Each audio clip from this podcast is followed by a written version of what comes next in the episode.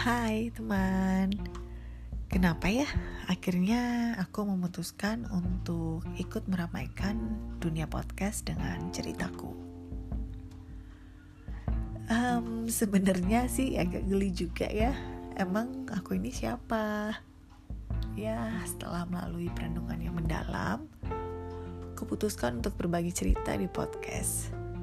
Cerita hidupku dan juga cerita-cerita lain yang memberi inspirasi buatku. Apa sih istimewanya ya? Teman, aku, kamu, kita sangatlah istimewa. Cerita hidupku mengajarku banyak hal dan aku juga sangat yakin kalau cerita hidupmu juga sudah memberikan banyak pelajaran untukmu. Dan juga bisa untuk orang lain. Pengalaman hidupku sepertinya baru seumur jagung, belum ada apa-apanya. Gak peduli sekecil apa pun pengalaman itu, untuk menjadi tanaman yang siap dipanen, kita harus melalui proses dan ada waktu di dalamnya. Ada yang waktunya singkat, namun ada juga yang waktunya panjang.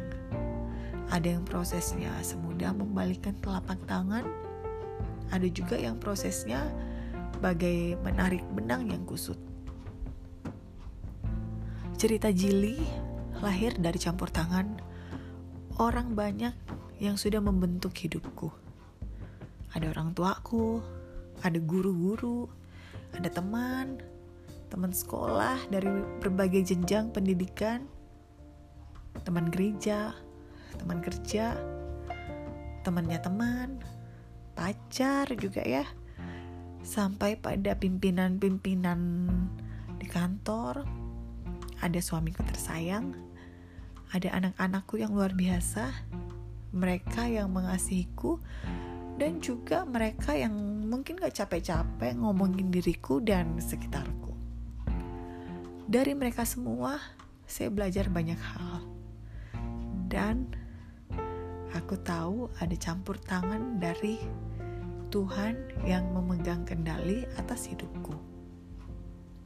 Satu hal yang sampai saat ini aku percaya bahwa aku ada semua karena Tuhan yang memberikan hidup. Tuhan jugalah yang mengizinkan aku melewati banyak perkara dan Tuhan juga yang selalu ada bersamaku. Gak hanya saat ini, tapi besok, besok, besok, dan seterusnya Tuhan ada bersamaku. Aku mau bercerita betapa sebenarnya mungkin aku ini harusnya sudah gak ada, sudah hilang, sudah lenyap. Tapi ternyata saat ini aku masih ada. Kalau aku bisa, teman,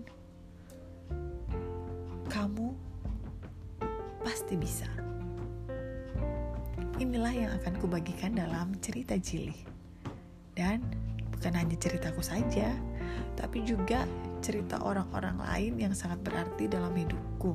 Tentunya dengan seizin dan sepengetahuan mereka. Cerita mereka juga bakal ada di cerita Jili. Dalam setiap kejadian di kehidupan ini, Tuhan selalu mempunyai maksud dan tujuan untuk kehidupan kita.